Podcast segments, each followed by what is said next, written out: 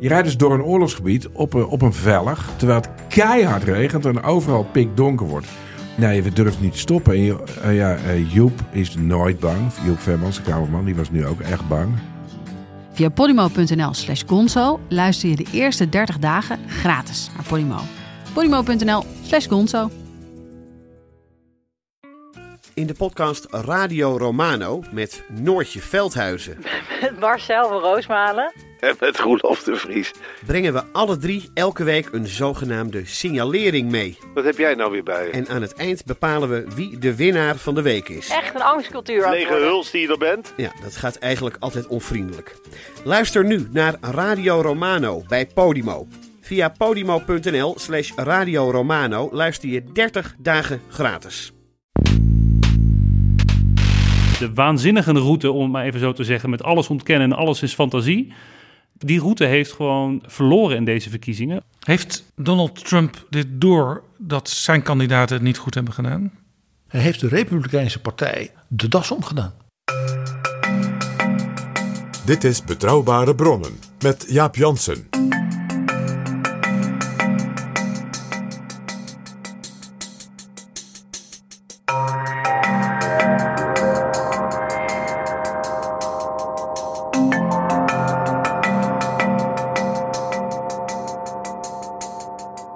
Hallo, welkom in Betrouwbare Bronnen, aflevering 308.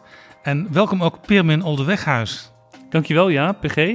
Achtste, negende keer? Ik weet het niet meer. Pirmin Oldeweghuis is hier omdat hij Amerika-deskundige is. En ook aanwezig, uiteraard, PG Kroeger. Welkom. Dag Jaap. We gaan het in deze aflevering hebben diepgaand over de uitslagen van de Amerikaanse midtermverkiezingen en de gevolgen voor de komende twee jaar en voor de periode daarna. En je kunt het misschien niet genoeg onderstrepen, de uitslag en het hele tot, stand komen van die uitslag van de midterms van dit keer zijn ongelooflijk historisch. En waarom ze historisch zijn, daar gaan we het zo over hebben. Maar eerst, zijn er nog nieuwe vrienden van de show? Jaap, jazeker. En we zijn hen weer buitengewoon erkentelijk. Dus dank je wel, Ferry, MJHA, Wil, Ruben en ook nog een losse gift van Paulus en Ron. Dankjewel. En wil jij ook vriend van de show worden? Dat betekent gewoon dat je een donatie geeft, liefst op regelmatige basis. En dan eh, help je ons nog veel meer interessante afleveringen te maken. Ga hiervoor naar vriendvandeshow.nl slash bb. Dit is Betrouwbare Bronnen. PG, we praten over de Amerikaanse midtermverkiezingen. En ik moet er even bij zeggen, op het moment dat wij dit opnemen, eh, weten we natuurlijk al dat de verhouding in de Senaat 50-49 is. En dat over twee weken nog een verkiezing, een extra verkiezing is in Georgia. Maar het betekent in ieder geval dat de Democraten de Senaat hebben. Want er is natuurlijk ook nog de vice-president die eventueel ook nog kan meestemmen en de doorslag geven. En in het huis, op het moment van opnemen, hebben de Republikeinen net 218 zetels binnengesleept. Ze hebben dus de meerderheid, maar ze zijn verdeeld. En de Democraten krijgen er hoogstwaarschijnlijk nog een aantal zetels bij. Gelet op waar die districten waar het tellen nog gebeurt zich bevinden. Dat is namelijk met name aan de westkust, hè, waar het ook later begint. Vaak ook heel bevolkingsrijke districten in California. En ook een heel bijzonder, heel groot district in Colorado, waar het echt op, nou ja, misschien wel tientallen stemmen gaat uitkomen. Eh, dat het in totaal zijn dat vrij democratische eh, kiesdistricten. Dus de Democraten kunnen als het ware nog richting die 2, 14, 15 klimmen.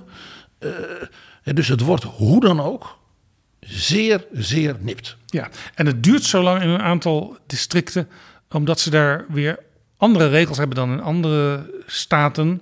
Onthoud, de Verenigde Staten hebben ook bij zo'n midterms, maar zelfs bij de presidentsverkiezingen, geen nationale verkiezingen. De wetgeving, de regels zijn vaak zelfs op het niveau van de county of binnen een staat eh, eh, eh, dat men wel een soort gezamenlijke regel heeft. Maar bijvoorbeeld tussen die staten zijn er grote verschillen. Eén heel interessant punt. Je mag bijvoorbeeld je stem bijvoorbeeld zelfs al twee weken van tevoren afgeven. En dan moet je dat tekenen.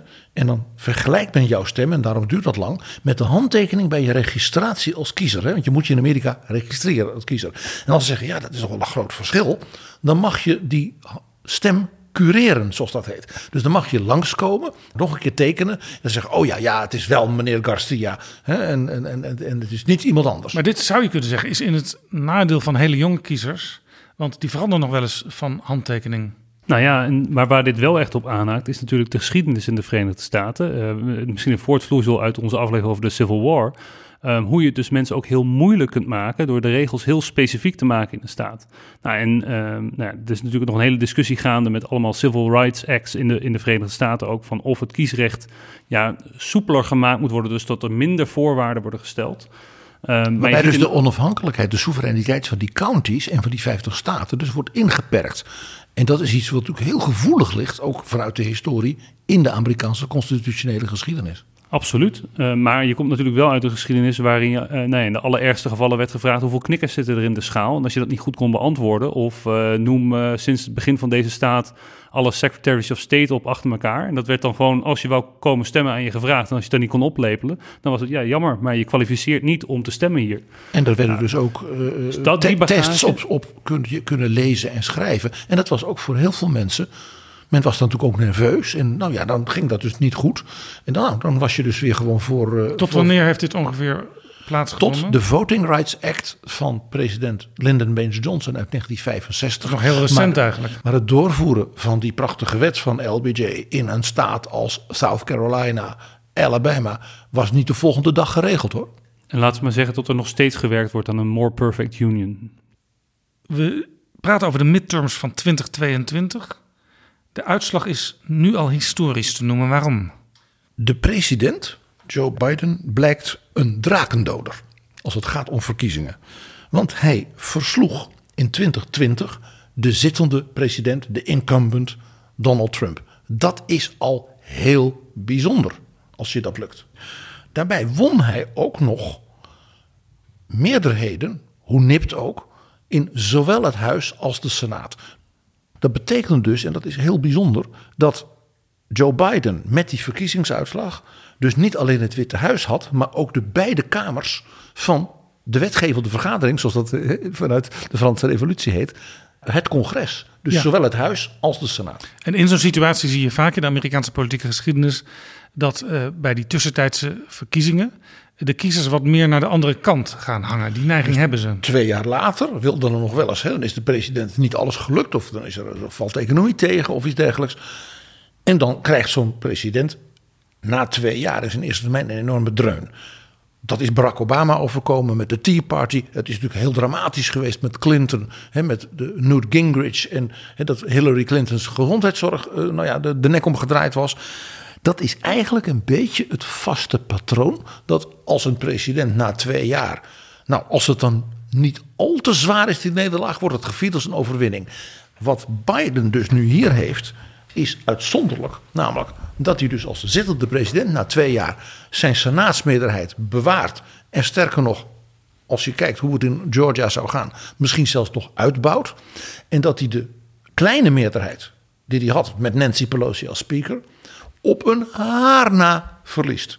Waardoor dus in feite het Huis van Afgevaardigden misschien wel in zekere zin politiek wat verlamd is en heel ingewikkeld is. Dat is het voordeel van de president. En dan is er nog een voordeel. Om een idee te geven hoe uitzonderlijk het is. De laatste keer dat een president erin slaagde, na twee jaar, zijn meerderheid in Huis en Senaat vast te houden, was George W. Bush.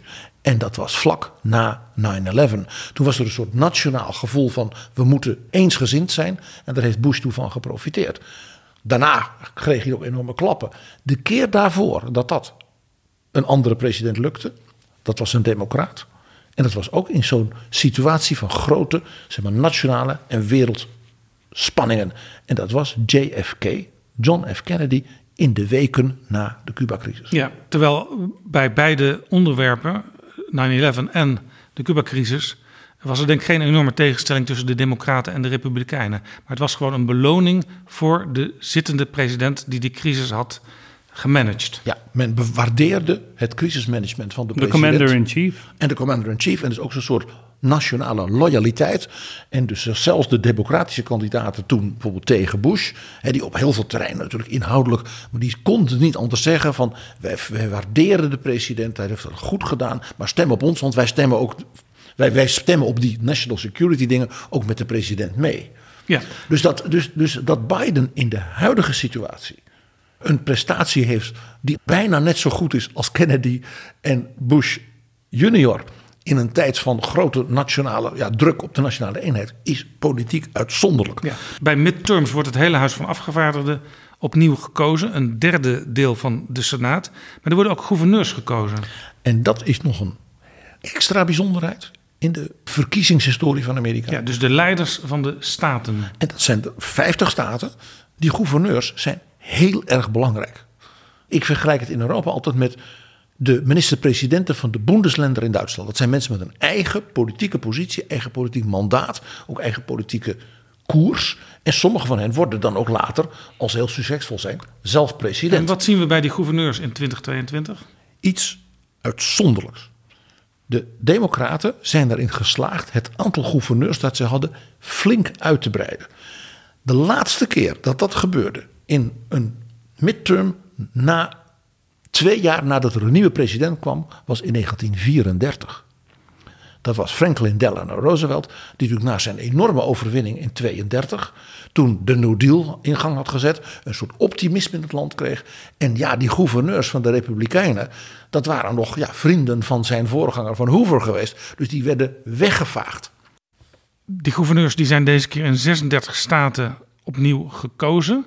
En daar zie je dat de Democraten er wat bij hebben gewonnen. En dat de Democraten het minder slecht deden in een aantal staten dan verwacht. Dus daar hebben ze hun gouverneur kunnen behouden.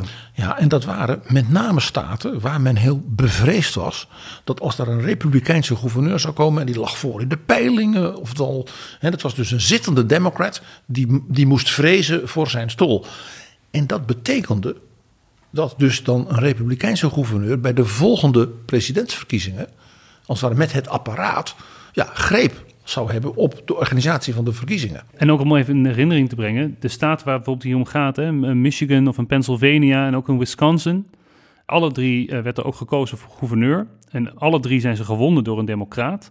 En dit waren echte staten, uh, uh, misschien kun je het wel herinneren, dat op de diepe uren van de nacht en de dagen daarna met Trump tegen Biden werd daar nog uh, ja, geteld of het genoeg zou dat zijn. Dat waren die staten die steeds ook op CNN zichtbaar waren met er wordt nog geteld, er wordt nog geteld. Er wordt nog geteld. En Pennsylvania is daar misschien wel het meest extreme uh, voorbeeld van natuurlijk. Ehm, maar het feit dat de democraten daar die drie gouverneurschappen weer hebben weten binnen te halen, met ook ieder geval twee van de drie met ruime meerderheden. En uiteindelijk ook in Wisconsin was het wel nipter, maar ook nog steeds een, een comfortabele meerderheid. En dat was dus is een, is een belangrijk indicator voor hoe de democraten er daarvoor staan.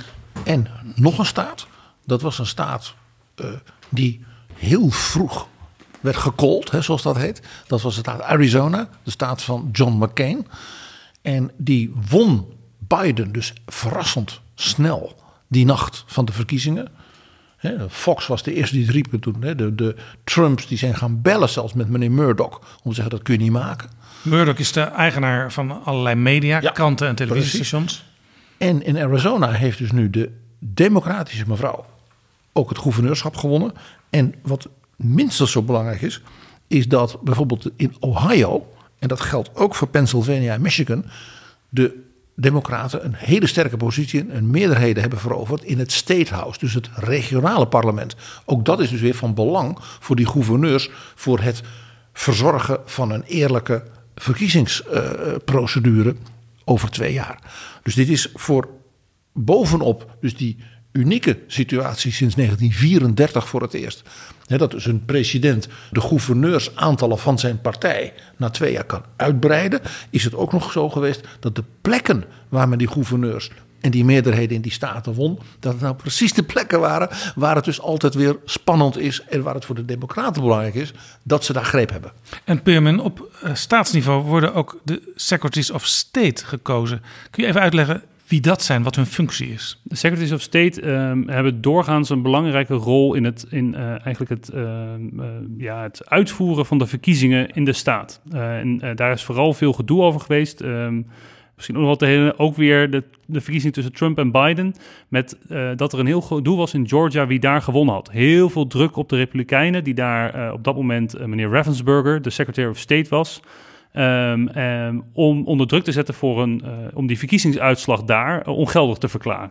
Ja, dat zijn soms ook wel een beetje trieste figuren, hè, die secretaries of state. Want als het kiele kiele is en je bent toevallig een vriendje van de gouverneur, ja, dan denkt iedereen dat deugt niet wat daar gebeurt. Exact, maar die man is daar gaan staan en die heeft daar toch uiteindelijk ehm, ja, zijn hand in het vuur gestoken voor het feit dat de verkiezingsuitslag op een correcte manier tot stand is gekomen. Nou, daar is hij, denk ik, eh, ja, ik heb er geen inzicht in, maar waarschijnlijk eh, eh, tot in den treuren met de dood voor bedreigd door de MAGA-aanhang. En meneer Raffensperger is weer gewoon herkozen in de staat Georgia als Secretary of State. Dus Ja, en hij kreeg van de Secretaries of State van de Verenigde Staten, van dus deze verkiezingscyclus, even de beste uitslagen. Er was dus ook heel duidelijk sprake geweest dat relatief veel Democrats in Georgia hebben gezegd: we stemmen op deze Republikeinse Secretary of State, want die man deugt. En daarbij kwam het spel ook nog dat de gouverneur van Georgia, meneer Kemp, hem dus volledig had gesteund daarbij tegen Trump. Trump heeft die meneer Raffensperger zelfs gebeld. En dat is opgenomen, want dat hoort zo. En die heeft toen gezegd: Get me 11.000 votes, you know where to find them. En toen heeft hij gezegd: Mr. President, zo gaat dat niet. Georgia is een fatsoenlijke staat en wij, er wordt hier fatsoenlijk gestemd. En nou, Trump, eh, daar loopt dus zelfs nu een proces in Georgia. Ten aanzien van de wijze waarop dus Trump en zijn staf, mensen als Giuliani en dergelijke, dus deze man onder druk hebben gezet. dat kon dus- dus no- de nodige gevolgen de komende maanden hebben, zelfs voor de mogelijkheid dat Trump kandidaat kan zijn. Maar dit is dus de mooie kant van de democratie. Dat je dus ziet van welke partij je ook bent. Die Secretary State heeft het de vorige keer zo goed gedaan. Ik wil hem daar nu voor belonen. Ook al stem ik politiek gezien op een kandidaat voor de andere functies van een andere partij. Maar dat maakt het extra frappant tot alle kandidaten die eigenlijk vanuit die weerzin van de Trump-aanhang tegen dat soort mensen, die eigenlijk hun, hun functie daar uitoefenden, zijn er dus heel veel challenges geweest. Heel veel uitdagers geweest. Die hebben gezegd, nou, ik eh, ben volledig, eh, alle verkiezingen kloppen niet. Alleen als wij winnen, dan klopt het en anders kan het niet. Dat soort kandidaten hebben het stuk voor stuk op deze posities in swing states afgelegd. Dat is ten opzichte van een democraat, eh, ondanks dat ze eerder bijvoorbeeld een gematigde kandidaat voor diezelfde functie binnen de Republikeinse partij hadden eh, verslagen. Wat dus laat zien dat eigenlijk een soort van de, de waanzinnige route, om het maar even zo te zeggen, met alles ontkennen en alles is fantasie. Die route heeft gewoon verloren in deze verkiezingen. Als het op die functies aankomt om netjes, eh, nou ja, als een van de taken, netjes de volgende verkiezingen weer uit te voeren. De weken, maanden voor de verkiezingen eh, was het beeld... Ja, het ziet er toch slecht uit voor de democraten. Dat blijkt dus nu heel erg mee te vallen. PG, jij zei al, Biden is een drakendoder. Je kunt ook zeggen, eh, wat je wel eens hoort... eh, de peilingen zijn opnieuw verslagen. Al vind ik dat altijd een beetje flauw... omdat peilingen een momentopname zijn... en bij de echte verkiezingen dan pas neem je je echte besluit als kiezer. En Jaap, jij weet dat peilingen één essentiële factor nooit kunnen meten. En dat speelt zeker in Amerika. De en dat is opkomst. de opkomst. Het maakt echt verschil. eh, dat de opkomst was dit keer behoorlijk hoog. Ten opzichte ook van de vorige keren. Er was geen terugval wat men had verwacht. En wat ook opviel was ja, de opkomst onder jonge en vrouwelijke kiezers was nadrukkelijk beter.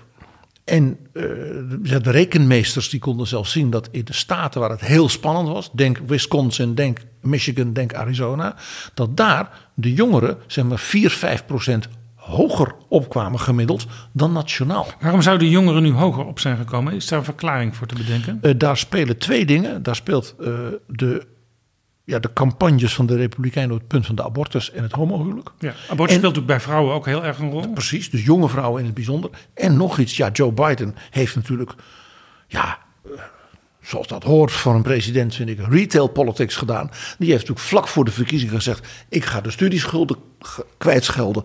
En ja, mijn opponenten, de, de Republikeinen, dreigen al naar het Hoge Rechtshof te gaan om dat te blokkeren. Ja, dat was natuurlijk voor jongere kiezers een. Dat was, die oude Biden was natuurlijk gewoon ontzettend slim daarmee. En die dubbele factoren hebben een rol gespeeld.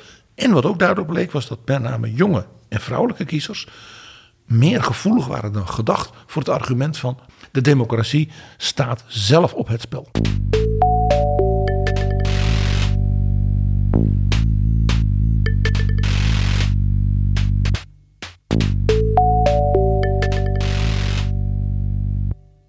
Laten we eens kijken wie de winnaars zijn. En dan bedoel ik niet de kandidaten voor het huis of de kandidaten voor de Senaat of de gouverneurs of de secretaries of state.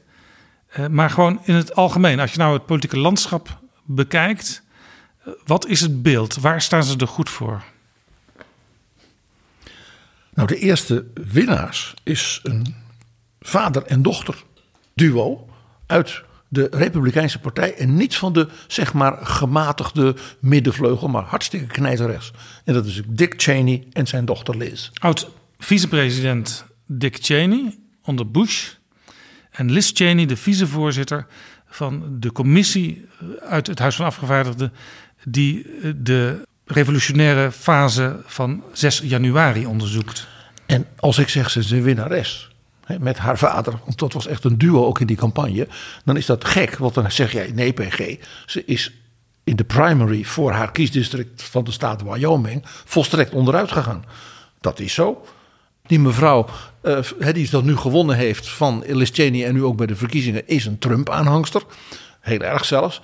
Maar het bevrijde Liz Cheney in zekere zin, want ze kon zich nu helemaal focussen op dat vicevoorzitterschap van die commissie. En daarbij, nog sterker dan ze daarvoor misschien al deed, zeggen: het gaat hier om de fundamentele waarden van de democratie.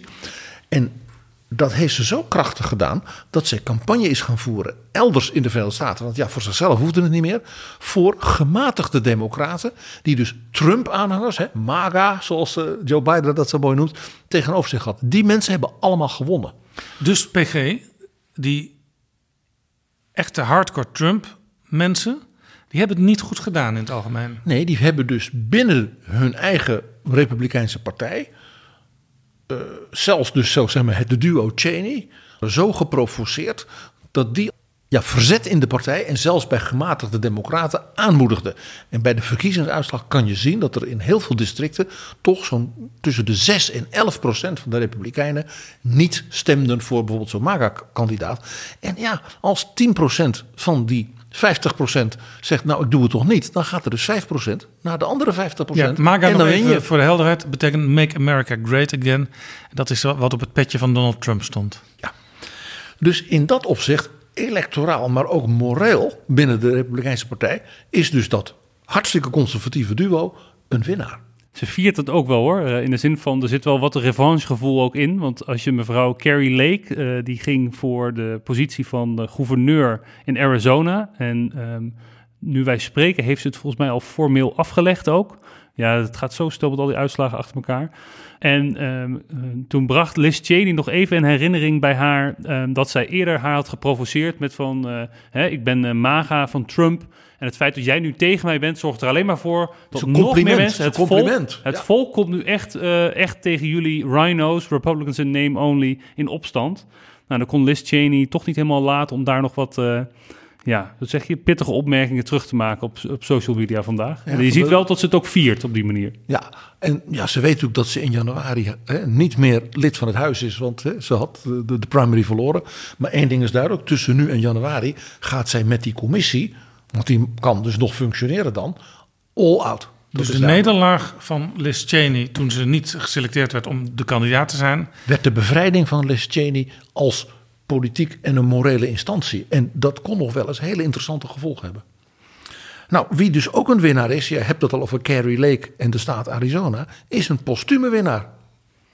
Ja, ja, als je kijkt naar John McCain, die natuurlijk uh, voormalig presidentskandidaat is geweest tegen Obama in 2008. Daar ook nog natuurlijk zelf als moreel geweten toen iemand hele nare dingen zei over Obama tijdens een town hall meeting. Echt opstond van, nou, u mag van alles vinden van beleid, maar we gaan hier niet iemand op deze manier afvallen. Dus op die manier daar al, nou, soort van, als je nu terugkijkt, denk je uit welke tijd komt dit? Ja, John McCain was dus echt nog wel iemand die een beetje het oude, zeg maar, bipartisan idee hoog hield. Dat je ook moet kunnen samenwerken in de politiek tussen ja, de twee grote partijen. Minst, of op zijn minst respect hebben voor elkaar. Gewoon, je bent allemaal, uh, uh, je, vanuit het soort van uitgangspunt dat je allemaal het, het, doet met het beste voor het land in het, in het achterhoofd. Dat, je, dat ook jouw tegenstander... Uh, een patriot is. In het algemeen belang, wat is, wat is goed voor mijn land? En dat je uh, zeg maar de motieven niet betwist. Exact, een, een soort van uh, basis, basis uh, ja, decency en basis een patriot, PG, zoals je het eigenlijk zei. Dat je het patriotisme van elkaar niet in twijfel trekt. Het was ook heel En- grappig toen John McCain stierf. Nou, natuurlijk heel lang hè, van kanker. eh, en dan toch nog kwam stemmen. Hè, en, en vaak tegen Trump dingen op, in de, op de senaatsvloer. Dat hij dus eh, bij zijn uitvaartdienst had geregeld dat de twee presidenten. van wie hij dus had verloren in verkiezingen. namelijk George Bush in eh, de eigen partij. en Obama bij de nationale Die verkiezingen. kwamen spreken. Die kwamen spreken en dat Obama toen de grap mocht maken. Zei die zei van John heeft het toch weer voor elkaar. Hij krijgt George en mij toen nu toch zover dat wij hem komen eren als een grote Amerikaan voor wie wij groot respect hebben. Hij zei: Ik weet dat president Bush en ik we dat ook volstrekt oprecht doen. Maar John, you did it again. En die hele kerk, want dat was in de National Cathedral in Washington, barstte dus in lachen uit. Omdat ze dachten: dit was ook inderdaad wel een beetje een dingetje wat John McCain beroemd om was. Dat die mensen, ja, als het ware, dwong hem te steunen als ze het misschien niet altijd wilden. Ja, dus, dus de uitslag, je, je zou kunnen zeggen, een huldeblijk aan de gematigdheid. Is dus ook een, een, een eerbetoon aan John McCain. Ja, want die mevrouw Carrie Lake heeft dus zelfs gezegd dat al die John McCain-republikeinen, die hebben wij de partij uitgedreven. En nou, dat heeft haar dus een nederlaag bezorgd. En, John McCain was, kwam ook uit Arizona. Hij was de senator voor Arizona. Ik weet niet of dat ze het vermeld hebben, maar dan, dus dat, daar heeft hij natuurlijk jarenlang heeft hij, hij die positie gehad. Grote gevechten met Trump gevoerd, zelf overleden. En dan nu was eigenlijk de dreiging van de, omdat Arizona ook de vorige keer in 2020 zo, zo hele, ja, eh, eh, de uitslag was zo dicht op elkaar daar ook weer, tot echt Make America Great Again er vol voor ging om, daar, eh, om, dat te, om dat te pakken. En dat is eigenlijk gewoon volledig gefaald. Ja, En, dus dat is een bepaalde manier een soort van revanche, ook naast de, voor de familie eh, Cheney, ook voor de familie McCain. En waarbij we ook nog even moeten onthouden dat het zwaar getipt was. Dat als die Carrie Lake, die zou natuurlijk een enorme overwinning halen in Arizona. En dan zou zij over twee jaar wel eens de vicepresidentskandidaat van Donald Trump zijn. Nou, dat is dus over. In de Senaat had je de afgelopen twee jaar altijd eh, de vicepresident Kamala Harris. Die de doorslag moest geven als het 50-50 was. Want er zijn, waren precies 50 zetels voor de Democraten, 50 voor de Republikeinen. En de wet regelt dan zo, de grondwet, dat de, de vicepresident als voorzitter van de Senaat dan de doorslag geeft. Die situatie die verandert nu, want de Democraten hebben al 50 zetels binnen. Ja, en de Republikeinen 49. En die ene zetel in Georgia, die gaat dan over twee weken. En de kans dat die opnieuw, net als twee jaar geleden, wordt gewonnen door dominee Warnock. Dat is de predikant van de kerk van Martin Luther King. Die kans is aanzienlijk. Dat zou betekenen dat de Democraten dus 51 zetels hebben en de Republikeinen 49. En daarmee, het is misschien raar, is Kamala Harris een van de winnaars. Want dan hoeft zij, zit ze dus minder vast voor haar positie in de Amerikaanse politiek in Washington aan die Senaat, waar ze voortdurend alert moet zijn. Hoe er wordt gestemd. Hè? Dus dan moet ze daar zijn. En is ze dus als het ware in die tweede twee jaar, heeft ze wat meer ruimte om ook haar eigen profiel op te Ja, poetsen. dat is interessant. Daar wil ik toch nog even een vraag over stellen aan Peermin. Eh, Kamala Harris eh, was een interessante persoon op het ticket bij de presidentsverkiezingen de afgelopen keer. Natuurlijk Joe Biden, een oudere, wijze man. En Kamala Harris, een jongere vrouw van kleur. Dus de diversiteit zat in ieder geval op het ticket. Maar in de praktijk lijken die twee, de president en de vi- vicepresident, niet echt heel innig met elkaar te zijn. Ja, het is eigenlijk voornamelijk denk ik dat het, haar, haar zichtbaarheid, in ieder geval bij mij, eh, is, is, is zeer beperkt. Vaak zegt Eh, een president: Ik geef ook nog een paar specifieke opdrachten aan de vice-president waarmee zij kan shinen. Ja, terwijl eigenlijk alle grote policy initiatives zijn toch echt van Biden. Dus een soort van, er, wordt niet, eh, wordt niet uitgedeeld. Geen cadeautjes daar aan de vicepresident. En in die zin denk ik dat PG wel gelijk heeft. Kan het wel bevrijdend werken eh, voor haar. Maar ja, het ligt er wel ook een beetje aan of dit de echte reden is waarom ze natuurlijk al die policy initiatives niet kon doen. En je ziet ook wel af en toe het verwijt voorbij komen richting haar. Van waar Biden, ondanks dat hij wat oud is en krakkemikkige, eh, wel dat, wat, dat volks een beetje heeft. Van een klein praatje, eh, tikje op de schouder en een, eh, nou ja, net een beetje een grapje dat net niet kan, weet je wel zo. Heeft zij tot zij best wel een soort van, ehm, ja, eh, bijna een, een te statische manier van Uit communiceren heeft. Nou, ik weet niet of dat, of dat het idee, eh, of dat, dat lijkt mij niet, laat ik het zo zeggen. Ik denk wel dat het oprecht gevoeld is.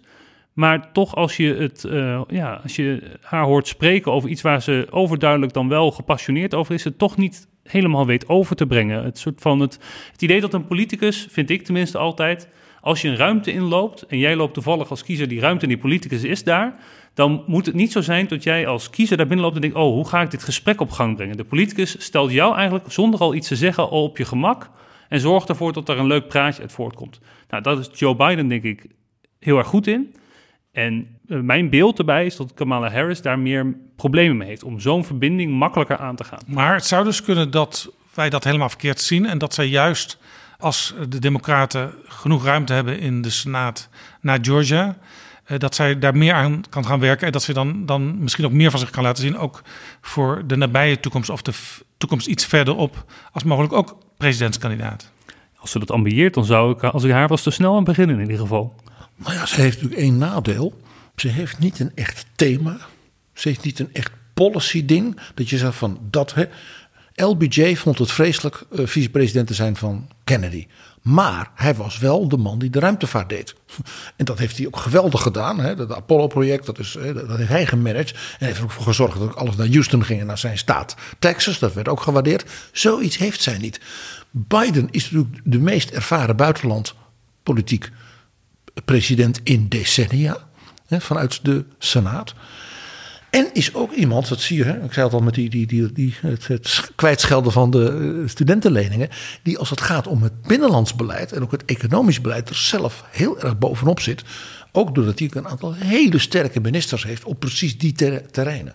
Zou dus voor Kamala Harris is er gewoon, denk ik, ook gewoon weinig speelveld. Zou het ook gewoon praktisch kunnen zijn dat uh, Kamala Harris, omdat ze steeds, of in ieder geval heel vaak, in de Senaat moest zijn, ook weinig tijd over had om een groot project aan te nemen? Ze kon bijvoorbeeld niet de wereld overreizen. Nee. En een tweede, uh, nou ja, Biden hield die grote speech over de democratie. Je hebt ook niet een onderwerp dat je denkt van dat is haar onderwerp. Dan houdt ze één of twee belangrijke conferenties die ze leidt en dan een speech. Nee, ik vind dat heel opvallend. Ze is ook niet zo uh, zichtbaar geweest tijdens de midterms. Hè? Maar goed, we kunnen concluderen in ieder geval. Uh, als je ze krijgt een tweede kans. Haar uh, in een lijstje zet, dan staat zij toch op dit moment al in het lijstje winnaars vanwege die democratische sterkte in de Senaat. En dan wil ik bij die Senaat toch nog een andere democrat noemen. En dat is Chuck Schumer, de majority leader ja, de, van die 50-50. Je zou kunnen zeggen de fractieleider. Ja, en ja, als het nu echt 51, 49 wordt, dan zit hij ook echt achter de knoppen. Dan hoeft hij bijvoorbeeld niet bij die 50-50 bepaalde deals te sluiten met Mitch McConnell. Uh, die dan wel weet dat als Kamala Harris stemt dat het dan 51-50 wordt. Maar om te voorkomen dat het helemaal misgaat, gaat dan zo'n Schumer met McConnell dealen. Daar is hij dan ook van bevrijd. En die meerderheid in de Senaat, of die nou uiteindelijk 50-50 gaat worden of 51-49 is ook nog om een andere reden, uh, waar het niet zoveel is over gegaan, deze verkiezingen, maar wat hiervoor een heel groot item was, is de Supreme Court. En, uh, want dat betekent ook weer dat Biden weer de komende twee jaar heeft, mocht er iemand uh, nou ja, van zijn stokje gaan of om een andere reden bedenken tot hij stopt als Supreme Court Justice, dan is het dus aan de president om een nieuw lid van het Hoge Rechtshof te nomineren. Maar het moet natuurlijk met goedkeuring van de Senaat. En dat was eerder waar de Democraten zichzelf in de voet hadden geschoten. Tot je natuurlijk al het gedoe had met een uh, meerderheid uh, in de Senaat van de Republikeinen. Terwijl er dan een Democraat moest gaan nomineren. En tot al die uitstelprocedures allemaal uh, zijn plaats. Ja, dat was in de periode Obama. Exact. En toen heeft Trump natuurlijk een heel arsenaal aan rechters doorheen gejaagd. Waardoor er nu, ik geloof, zes Republikeinen en drie Democraten hoogrechter zijn. Ja, dat klopt. Ja, waarbij dan bij die Republikeinen er wel een duidelijk verschil is. Want bijvoorbeeld opperrechter Roberts is een man uit de Bush-tijd. En die wil nog wel eens met dus die democratische minderheid die het is, meestemmen. Dus het ligt af en toe heel spannend in dat Hoge Rechtshof. En Biden heeft nu één, de eerste zwarte vrouw in het Hoge Rechtshof gekregen, om maar zo te zeggen. En die heeft meteen een enorme indruk gemaakt door zeg maar, haar ja, intellectueel uh, hoog, hoogwaardige redeneren en zeg maar, de juridische uh, argumentatie die zij brengt. Dus dat is een enorme versterking voor die minderheid. Maar Biden die krijgt dus de kans als iemand uh, overlijdt. Want je bent in principe benoemd voor het leven. Of als iemand op een gegeven moment zegt: Het is mooi geweest, ik stop ermee. Er wordt ook wel eens druk uitgeoefend hè, vanuit de eigen partij van ja, jij bent al zo oud. Je moet niet uh, komen te overlijden als er een, iemand van een andere partij president is, want dan wordt de verkeerde kant uh, versterkt. Dat is natuurlijk gebeurd bij Ruth Bader Ginsburg. Uh, toen zij overleed, mocht Trump. Democraat. Ja, ja. Een, een, van een progressieve held. Hè? En toen mocht Trump. Wie, wie, is nu het oudste in het Hoge Rechtshof? Wie, wie, wie, wie, moet er misschien vervangen worden op een gegeven moment? ik las, hoorde dat mevrouw Sotomayor, dus de eerste Latina, dat die bewerkt wordt een beetje. Dat als zij zo zeggen, ik heb het al heel de tijd gedaan nu. Zij is democraat. Ik ben, ja, ik ben nog gezond. Volgens mij is het door Clinton benoemd. Ik ben nog gezond, maar ik wil niet krakkemikkig worden. Uh, dat als zij nu zou zeggen, ik ben bereid uh, hè, nog wat anders te gaan doen. Dat dan Biden de kans heeft om dus bijvoorbeeld een andere Latina of Latino uh, in het Hoogrechtshof te benoemen. Die dus die, en die dan uh, veel jonger is, zodat als het ware de, de levensduur van die democratische factie binnen het Supreme Court wordt verlengd. Er zal maar zo over je gesproken worden, hè? Van tot het allemaal gaat over hoe lang je batterij nog doet en uh, of je dan ja, niet het gaat, dus, het gaat dus totaal en... niet over je eigen politieke zuiverheid, zal ik maar zeggen, maar puur over de kans dat je op een verkeerd moment te overlijden komt. Namelijk onder jouw tegenstander. Hetgeen weer bewijst dat politiek mensenwerk is.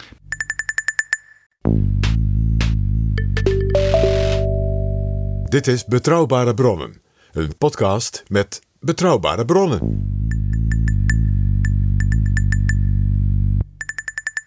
Peerman, als we naar het Huis van Afgevaardigden kijken... dan moet ik denk ik jou ook feliciteren. Want in het 31ste district van Californië is mevrouw Grace Napolitano herkozen. Zij is 85 jaar en zij is jouw baas geweest. Ja, nou ja, ze heeft het uh, weer voor elkaar. Uh, ze is zeker niet het langzittende lid in het Huis van Afgevaardigden. Want je hebt gewerkt in het Huis van Afgevaardigden. Ja, ja, ja, ik heb in uh, 2015 alweer, dus een lange tijd geleden alweer, heb ik een half jaar ehm, als een, eh, ja, eigenlijk als een vlieg op de muur, maar ook als, als ja, hoe zeg je dat, als uh, stagiair uh, mogen meelopen in dat kantoor. Ja, dat is natuurlijk een, blijft. Achteraf besef je bijna niet van hoeveel je eraan hebt gehad. Dat je een pasje om je nek hebt gehad waarmee je gewoon alle deuren in het kapitool kon openmaken. Of in ieder geval bijna alle deuren in het kapitool. Maar ze heeft weer gewonnen en ze is nu het oudste lid van het Huis van Afgevaardigden momenteel. En met 85 jaar. En uh, ja, ik vind het alleen maar hartstikke knap als je 85 bent. En dan nog steeds er zoveel drive voor hebt om dit dan weer twee jaar te gaan doen in een heel ander deel van de Verenigde Staten, wat sommige mensen wel de Rust Belt noemen.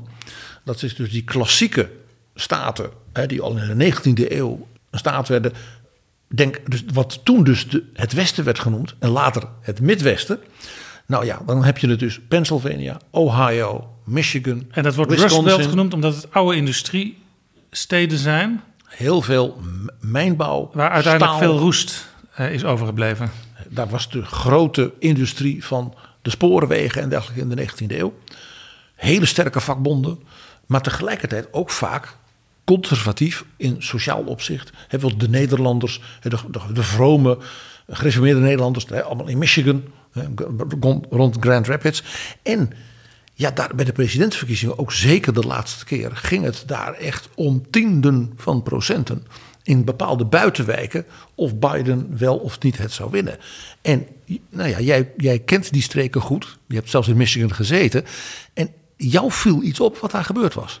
Ja, het is eigenlijk het, het, patroon. Hè. We hadden natuurlijk toen Trump in 2016, ik, heb, zat die laatste dagen over na te denken, van in Trump in 2016 was natuurlijk het verhaal, de grote upset van Trump was niet dat hij in South Carolina had gewonnen of in, uh, in Louisiana of in Alabama, maar tot hij het voor elkaar kreeg om de Blue Wall, dus deze staten waar PG het over had, om die uh, voor zich te winnen, dat was eigenlijk ondenkbaar daarvoor. Ja, dus, dus de Blue Wall, dat wil zeggen uh, die grote muur, dat lint van eigenlijk democratische uh, kiezersregio's. Exact. Die en, gingen naar Trump. Hij, ja, en hij wist dat te winnen van Clinton. En toen was eigenlijk de grote... De kranten stonden er vol mee, hè. Van Trump, die kwam eens een keer echt op voor de dus, echte arbeider. Ja, want hij heeft dus, zeg maar, hun sociaal-conservatieve sentimenten heeft hij aangeboord. Ja, en, um, en Hillary Clinton was gewoon een hele. Uh, nou, een kandidaat die het niet goed deed. Laten we het maar daarop houden. En, en, haar campagne was ook heel onverstandig. Die heeft in de laatste week heeft ze niet één werkbezoek gebracht aan Wisconsin bijvoorbeeld. Ja, waar, daarvan iedereen ook zei van, waar is ze mee bezig? En zij had natuurlijk ook haar, haar vreselijke uitspraak eh, gedaan... dat ze het over mm, ook mensen uit die streken had als basket of deplorables. Ja, dat was wel specifiek voor de mensen die op Trump stemden. Ik denk dat dat niet de grootste impact is geweest. Maar het kan ook voor- zijn dat als je twijfelt... eh, dat je denkt van ja, nu ga ik helemaal op Trump stemmen. Ja, en toen was natuurlijk nog niet de, de, de volledige ellende die Trump met zich meebracht nog niet helemaal bekend. Hè. Er stonden allemaal eh, de krantartikelen nog vol van ja, geef hem nou een kans, dan wordt hij vanzelf presidential. Nou, nu weten we hem in ieder geval eh, wel beter, hoop ik. Ehm, maar wat je dus echt zag, was van ja, hè, de democraten zijn volledig out of touch geraakt met wat de, de, de werkende klasses in deze staten, wat, wat bij hun leeft. En eigenlijk wat we sindsdien hebben gezien, verkiezing op verkiezing, is dat de democraten nou weer de niveaus van daarvoor weer langzamerhand beginnen aan te tikken in de support die ze hebben. Als je nu kijkt naar in de, de midterms eh, in eh, Pennsylvania in de, eh, in de Senaat, is de uitslag van John Fetterman, de nieuwe senator, maar ook van de nieuwe gouverneur, zijn gewoon beter dan die van Biden van twee jaar geleden. In Michigan is het, hebben ze het voor elkaar gekregen om de gouverneur Gretchen Whitmer, die ook in een, een, een lastige positie zat. Zij is een van de gouverneurs die heel veel protest heeft gehad tegen haar COVID-beleid. Er was nog op een gegeven moment een heel plot dat door, voor mij door de FBI ontrafeld is om haar te ontvoeren door van die Proud Boys-achtige figuren. Dus een, een best wel moeilijke situatie. En ook zij met verven, en, eh, en dat was niet gegeven van tevoren, want het was allemaal weer van tot het spannend zou worden. Ook weer gewonnen in Wisconsin, weliswaar nipter. Ook weer gewonnen door een democraat, het gouverneurschap daar. En, Dus je ziet gewoon en, en, en Per, eh, wat mij ook opviel, het was dus niet, oh ja, maar die gouverneur is populair. Zowel in Michigan als in Pennsylvania als in Wisconsin. De Democraten wonnen de gouverneur en zelfs sterker dan verwacht. Ze wonnen de Attorney General, het hoofd van het OM, niet onbelangrijk. Hè? De Secretary of State, dus de, de toezichthouder op de verkiezingen. En in sommige zelfs een opvallende meerderheid in het regionale parlement. In Michigan geloof ik voor het eerst in, wat het, 40 jaar of zoiets. Eh, in Pennsylvania ook heel sterk. En de verwachte overwinning van de Republikeinen in het State House van Wisconsin heeft zich niet voorgedaan. En wat ik dan nog wel leuk vind om uit te lichten, als we even inzoomen op, op Pennsylvania, waar het zo nipt was in eh, twee jaar geleden. Als je nu kijkt, waar, waar zijn nou de. Je hebt van die prachtige kaartjes eh, op de- van de New York Times, eh, vind ik. Daar kun je in zien wat het percentage punten swing is. Dus de verandering ten opzichte van twee jaar geleden. Ja, CNN heeft ook zo'n site en daar zal ik een link eh, naar in de beschrijving zetten, want die van de New York Times is niet voor iedereen te openen en van CNN wel. Eh, dus in ieder geval, het is daar ook terug te vinden. En dan zie je eigenlijk op county-niveau, dat blijft altijd gelijk, dus dan heb je goed vergelijkend materiaal. Zie je dus eigenlijk hoe de verschuiving is geweest. En als je in Pennsylvania keek, dat vond ik wel een interessante, zie je eigenlijk over de hele staat ten opzichte van de uitslag van Biden tot het eh, blauwer geworden is. Dus meer naar de Democraten toe is gegaan. In de steden maakt dat natuurlijk gelijk heel veel verschil, want er wonen heel veel mensen. Als je dan een proce- 1 procentpunt of meer, zijn gelijk eh, 10.000 of 20.000 stemmen.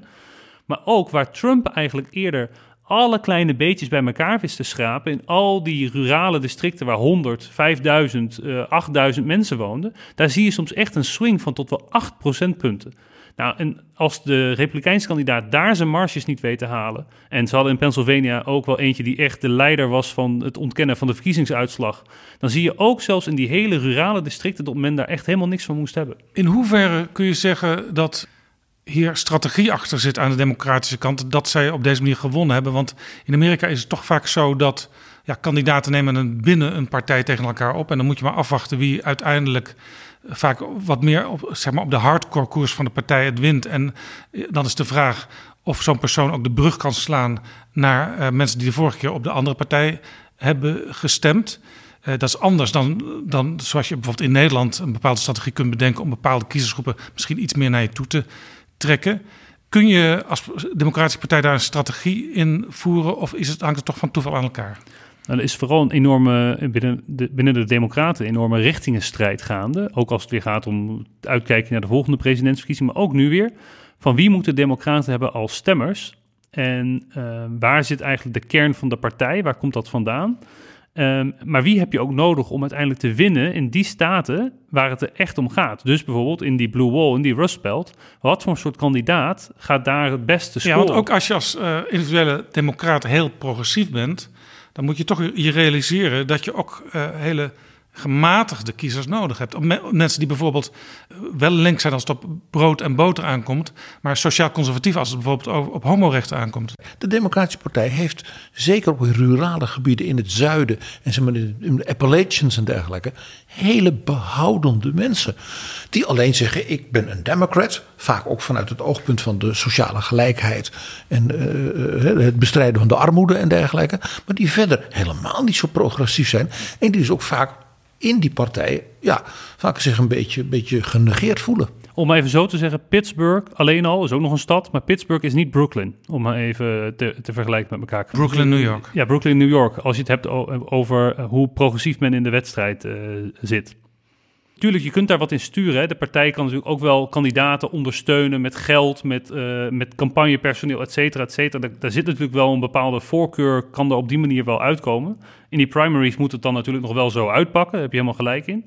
Ehm, maar ik denk wel, als je nu kijkt naar deze drie staten, bijvoorbeeld Vetterman, die eerder eh, wat meer richting Bernie Sanders aanschurkte, die zich toch in de, het laatste half jaar heeft heruitgevonden als een man die voor boren naar schaliegas was. En John allemaal- Fetterman is die man, eh, een beetje wilde man, vaak in korte broek. Ja, ja, ik heb nog opgezocht hoe warm hij was aan het stemmen. En toen zag ik hem weer eens een korte broek lopen buiten. Toen dacht ik, ik ga eens even opzoeken hoe warm het nu is daar in, in En hij was ook eh, zwaar ziek eh, een paar maanden geleden. Ja, Heeft ja. toch gewonnen. Hij heeft toch gewonnen. En eh, ook overtuigend uiteindelijk nog. Zeker als je het vergelijkt met de uitslag van Biden.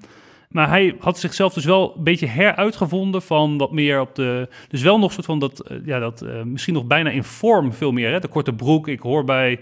Ja, ik ben Hoodies. heel normaal. maar zich toch ook wel... Dat, dat wat echt wat progressievere, dat heeft hij wel afgevlakt voor de verkiezingen. Succesvol.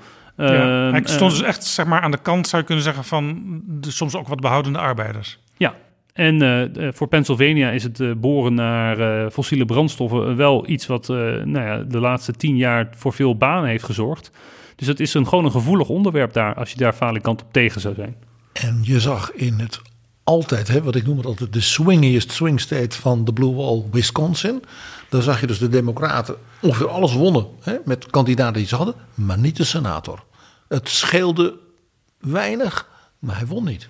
En daarvan ben ik bang dat deze meneer uiteindelijk toch, ehm, eh, Mandela Barnes, dat hij toch te progressief is geweest voor het electoraat dat hij voor zich moest winnen.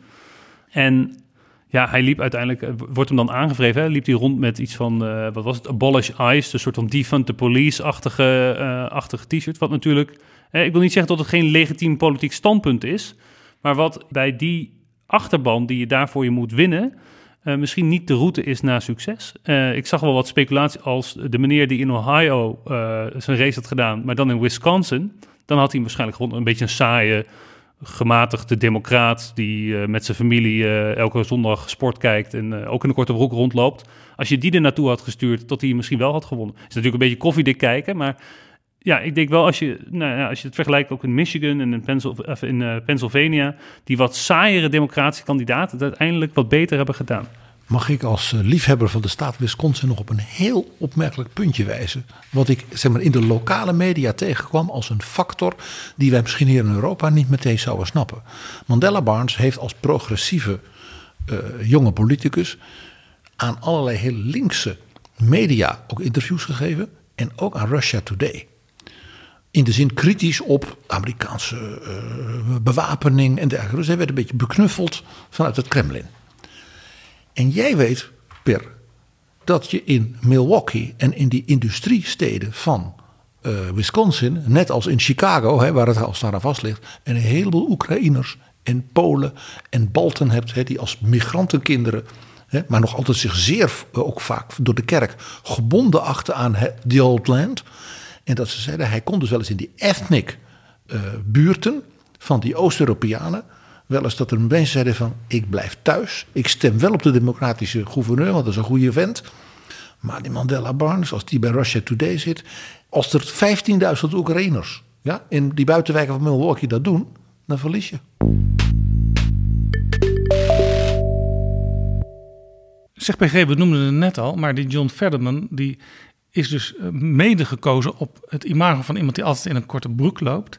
Weet je waar ze hele goede korte broeken hebben? Bij Bamigo. Ja, Dus niet alleen boxershorts, maar ook echte korte boeken waarmee je aan de verkiezingen kunt meedoen. Als je nou denkt, die Verderman die komt eigenlijk, ja, zou je kunnen zeggen, uit het niets. Maar mede door dat imago van ja, die gewone jongen tussen het volk, is misschien ook wel iets voor Nederlandse kandidaten die denken: het is misschien november, maar ik val wel op in zo'n korte broek van Bamigo. Nou ja, en in dat Amerika met zijn klimaat van enorme hitte, hè, daar in Arizona en in Nevada, hè, staten waar we het ook over hadden. En de kou lekker in cool. Montana. Lekker en cool in en warm als het koud is. Ja, en in Maine en zo, dat, dat- dan kun je maar beter eh, een beetje een wat, wat warm spul hebben. Of juist, zoals bij die Bamigo, met dat bamboe, dat het lekker koel is. Ja, en je zou dan een polo shirtje erbij kunnen dragen. En een eh, vest met een rits. Dus dat kun je nog open en dicht doen, ook als het eh, warmer of kouder wordt. En als je dan ook nog van die stevige stappers draagt, zoals John Ferdinand, dan kun je daar ook nog de Bamigo sokken bij dragen. Ook dat nog. Als jij inmiddels denkt, ik ga misschien wel aan de verkiezingen meedoen en ik ga die kleding alvast inslaan van Bamigo, dan kun je naar de site gaan, bamigo.com. En het is nu de Black Friday periode, dan krijg je 25% korting. Het kan ook zijn dat je deze aflevering pas na een tijdje hoort. En dan kun je gewoon weer de code BRON25 gebruiken. Dus ga naar bamigo.com, BRON25 en je krijgt 25% korting.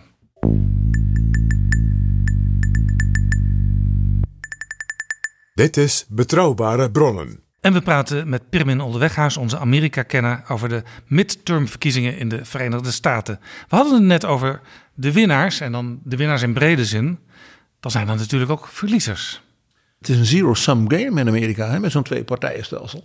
Make America Great Again, dus de Trump-vleugel, heeft de Republikeinen op conservatief midden zwaar geschaad. Want precies, hè, als je zag dat er dus tussen de 5, 6 en 11 procent van de Republikeinse kiezers in cruciale staten, gouverneur, senaat, secretary of state, zeiden nou toch maar niet.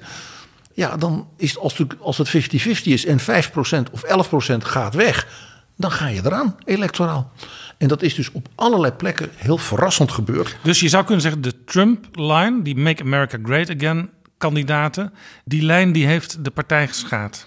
Ook omdat heel veel mensen, ook in de regionale media, die zeiden: ja, deze kandidaat voor die post. Sorry hoor, ik ben een trouwe republikein, ik ben geen linkstype. Maar deze vrouw, deze man, dat is zo'n idioot. Hè, om maar zo te zeggen, QAnon-achtige verhalen, dat ging allemaal rond. Ik kan het niet over mijn zeg maar, democratisch geweten krijgen, in de zin van democratie, om voor zo iemand te stemmen. En daar werkte dus die speech van Joe Biden met dat thema van de democratie in zijn gevaar. Dus heel goed, omdat die MAGA-mensen alleen maar gingen schelden op Joe Biden en daarmee bevestigden dat hij een punt had. En de rest van de Republikeinse partij dacht, laten we het er maar niet over hebben, want dan wordt Trump boos. Ja, of ze verloren in hun primaries van die MAGA-kandidaten. Zodat dan de, de middenkiezer dan maar naar die wat meer gematigde democraat overstapte. Heeft Donald Trump dit door dat zijn kandidaten het niet goed hebben gedaan? Want Nou, hij kan, het verhaal niet, gaat dat hij hij kan in- nooit zeggen dat hij iets niet goed heeft gedaan of dat hij iets niet goed heeft ingeschat. Het is altijd beter dan wat en wie dan ook wat hij gedaan heeft en bedacht heeft. En anders is het bedrog. Ja, sterker nog, misschien, eh, hij stond niet op de ticket, hè? Misschien heeft hij nu wel voor zichzelf bedacht... het feit dat ik dus niet on the ballot stond... heeft er nu, eh, dus als ik er was geweest... Dat is natuurlijk ongeloofwaardig, want hij is eh, in een aantal staten is hij mee gaan campagne voeren. Onder andere voor Dr. Oz. Hij heeft de Republikeinse Partij in zo'n staat als Pennsylvania, maar ook in Arizona, de das omgedaan. En dat is natuurlijk voor de, de desbetreffende kandidaten ellendig. Want die hadden gehoopt dat ze senator werden of gouverneur. Maar voor de partijorganisatie in die staten, en dat is in Amerika belangrijk, want je hebt bijna niet zo'n echte nationale partijorganisatie. Je moet het van die staten hebben. Die zijn dus des duivels. Ted Cruz, de senator in Texas, die heeft ook gewoon gezegd: I'm enraged about this result. Hij zegt: We hebben het zelf gewoon laten verpesten. Nou is Ted Cruz ook wel de figuur die soort van zijn moeder nog verkoopt... om eh, zelf op zijn zetel te blijven Ja, Ted. Cruz is natuurlijk een heel ongeloofwaardige man. Want eh, toen Trump nog bezig was zich te kandideren binnen zijn partij voor het presidentschap. Toen was Ted Cruz ook een van die eh would-be kandidaten. En ehm, Trump heeft hem op een gegeven moment gewoon echt gebullied en gekoeieneerd en gekleineerd. En toch heeft Koes op een gegeven moment gezegd: Ik steun Trump. Ja, daarom dat hij ook dus nu zo boos is. Omdat hij in feite moet vaststellen dat zijn eigen uh, slijmcultuur uh, richting Trump heeft. averechts heeft gewerkt. Wat nog interessanter wellicht is, omdat hij iets meer geloofwaardigheid heeft in jouw manier van denken, is meneer Pat Toomey. Dat is de bejaarde republikeinse senator van Pennsylvania. Die zei: Ik ga nu stoppen.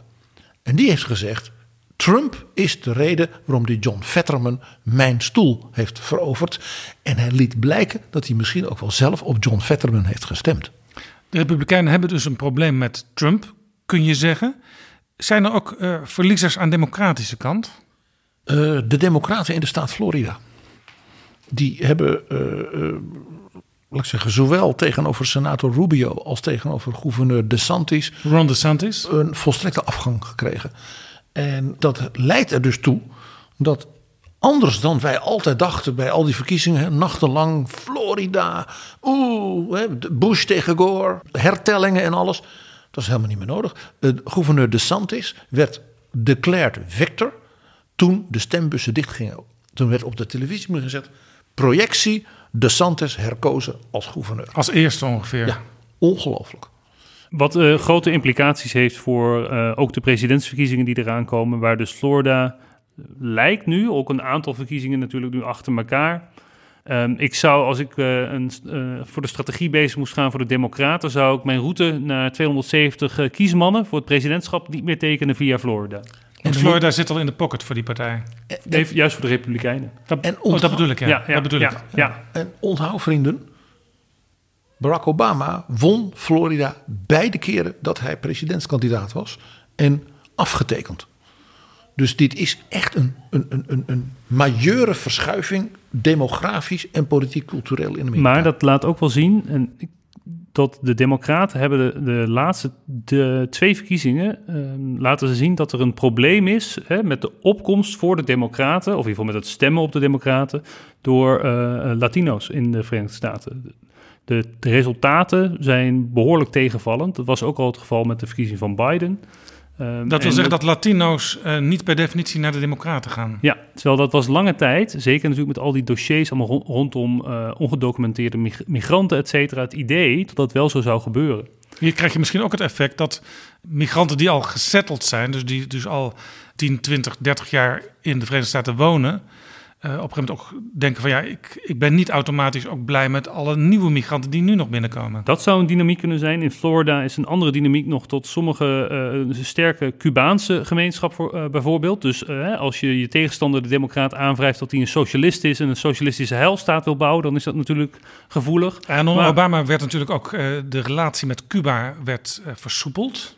Ja, en je hebt tegelijkertijd daarnaast nog, ik denk dat dat ook nog een belangrijke is, is het feit dat uh, mensen die op sommige onderwerpen misschien wel op de Democraten zouden meestemmen, niet per definitie op alle sociale onderwerpen heel erg progressief zijn. Mag ik nog op twee punten wijzen in dit verband? De Cubanen klopt. Er is ook een hele grote Venezolaanse minderheid, met name in Florida. Nou, die worden dus aangesproken op uh, de Democrats, dat is Maduro en Chavez niet stemmen dus, dan is er ook een kleinere, maar ja, het gaat om kleine aantallen, El Salvadoraanse gemeenschap, die ook heel antisocialistisch is vanuit wat ze zeg maar, in het moederland hebben meegemaakt. En er is nog een factor die wij in Europa niet zien. En dat is wat je bijvoorbeeld in Brazilië ook zag met Bolsonaro. Een sterke opkomst van de evangelical gemeenschap in de, zeg maar, de Latino's. Dus het klassieke mag ik zeggen, ouderwets katholieken daar, verdwijnt wordt. En daar is een hele sterke opkomst van evangelicals. En die worden dus getrokken naar de evangelical boodschap van bijvoorbeeld republikeinse kandidaten. Dus dat is een nieuw verschijnsel van zeg maar, de laatste 10, 15 jaar. Uh, Pirmin, we kijken ook al een aantal verkiezingen achter elkaar naar de staat Texas. Dat is traditioneel een, een republikeinse staat. Maar uh, Texas is natuurlijk zowel ruraal als heel modern in de steden en omgeving. En uh, de laatste jaren is ook wel veel verhuizing vanuit Californië van mensen die zeggen: Ik ga in Texas wonen, want daar is het levensonderhoud uh, wat goedkoper. En ja, veel mensen in Californië die stemmen democratisch. Dus er wordt steeds ook gekeken: is er een moment dat misschien de Democraten een keer de meerderheid hebben in Texas? Maar dat is opnieuw niet gebeurd.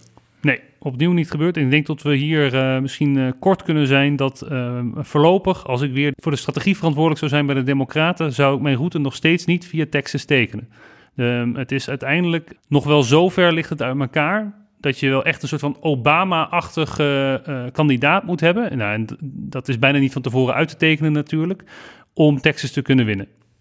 Toch, de cijfers zijn interessant. De, de kiesdistricten waar de grote aantallen wonen. De stad Dallas. En vooral de Houston, een miljoenenstad.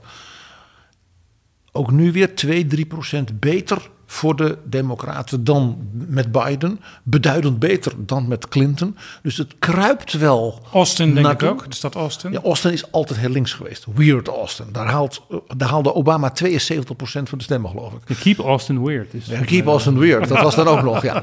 En, en, maar zo'n stad als Houston en met name Dallas, wat altijd als oliestad ja, republikeins was. Hè, dat was het kiesdistrict onder andere van George Bush senior. Maar Dallas is dus heel sterk ja, vooruitstrevend geworden. En ook dus de, de suburbs rondom Dallas. Dus daar zit voor de Democraten elke verkiezingen 2, 3 procent meer. Maar het idee dat er een soort snelle doorbraak zou komen met een populaire kandidaat. Hè, denk aan die Beto O'Rourke. Dat is een illusie. Ja, en eh, voor Texas geldt, wat trouwens ook voor eh, Florida geldt. eh, die staten hebben heel veel kiesmannen. Dus als je daar de kiesmannen hebt, dan heb je al heel veel stemmen als je presidentskandidaat bent. Het is echt zo dat als het inderdaad zo is, als we vaststellen, Florida is in feite in het rijtje van de Republikeinse staten geland. En Texas houden ze toch nog wel vast. Dan hebben ze twee, ik zal maar zeggen, stepping stones voor een presidentskandidaat. Zeker als dat een zeg maar, minder extreme presidentskandidaat is, waarmee je goed kan werken hoor. Dan is de overwinning als het ware een stukje dichterbij. Staat Ja. er ergens voor de Democraten iets tegenover waar zij misschien. New York eh, en California zijn de twee eigenlijk die qua omvang samen ongeveer op hetzelfde totaal komen. Ja, maar dat is altijd al zo. Maar waar de Democraten misschien eh, toch, toch in de nabije toekomst plusjes gaan maken. Nou, voor de Democraten is het denk ik nu kwestie om bijvoorbeeld een staat als Georgia, eh, waar ook de grote stad Atlanta gewoon een groeicentrum is. Kunnen we En- meteen al zien op 6 december. Ja, en die is natuurlijk al nu een paar keer naar de Democraten toegevallen, maar dat was de jaren daarvoor eh, niet het geval. Dus die soort van steeds meer en zekerder in jouw straatje zien te krijgen. Zeker, dit gaat dan vooral op natuurlijk op federaal niveau, hè, de senaatsverkiezingen en de presidentsverkiezingen. Want op staatsniveau heeft ook deze verkiezing weer uitgewezen dat ze gewoon straight Republican tickets zo ongeveer eh, gestemd hebben.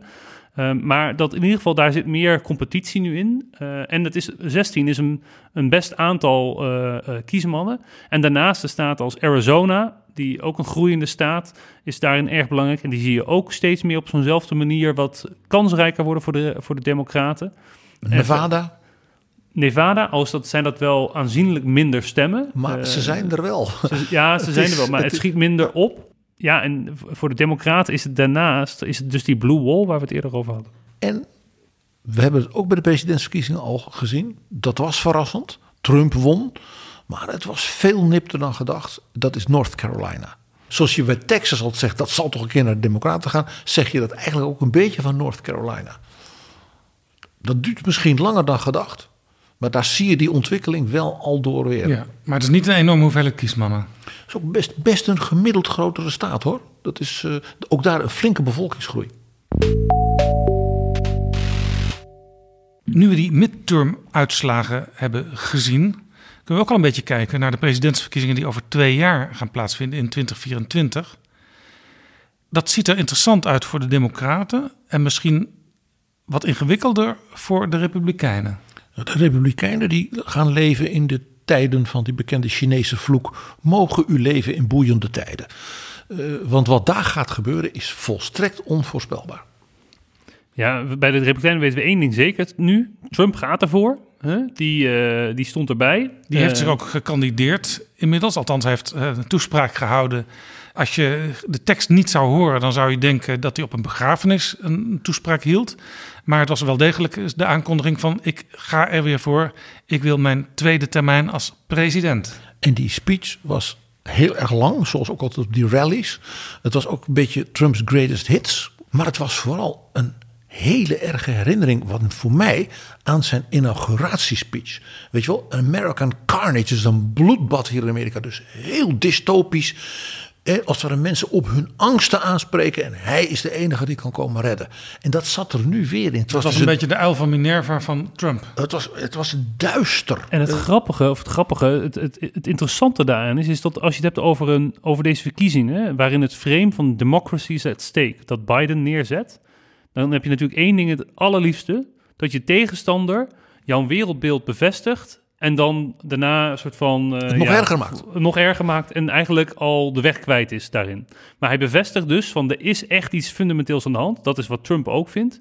Terwijl ik denk nu momenteel, deze uitslag op zijn minst, laat zien dat de, de kant van hè, we moeten het, dat wat we hebben beschermen succesvoller is gebleken dan het nog verder ja, afbreken van dat, we, dat wat we samen hebben. In de Republikeinse Partij moeten ze zich dus ook afvragen van ja, kunnen we die Trump op de een of andere manier nog ergens langs de kant van de weg achterlaten? Nou, daar is zijn dochter al mee begonnen, Jaap.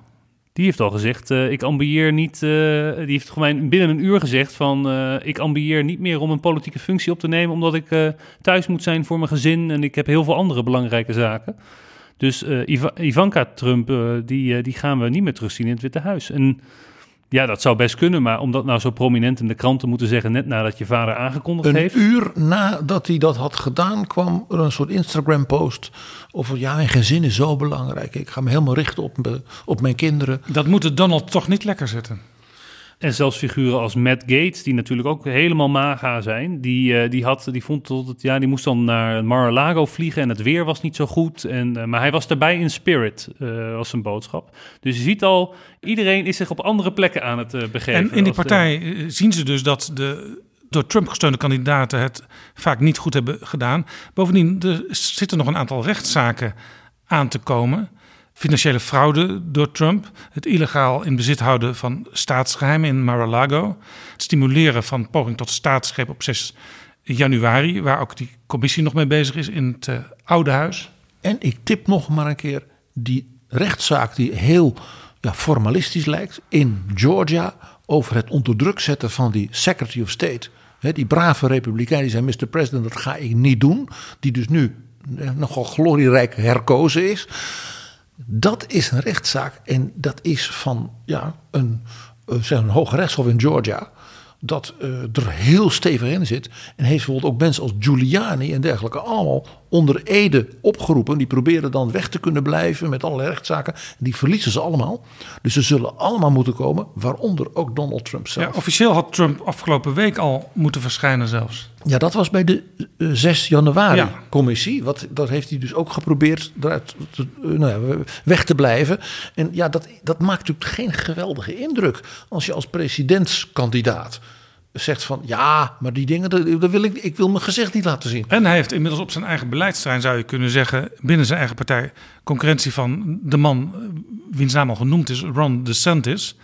Er is een peiling gedaan onder Republikeinse kiezers en mensen die, die twijfelen, misschien ga ik wel Republikeins stemmen, door YouGov en The Economist. En daar blijkt uit dat eh, DeSantis eh 46% achter zich krijgt en Trump 40%. Dat is toch ook geen goed teken voor Trump?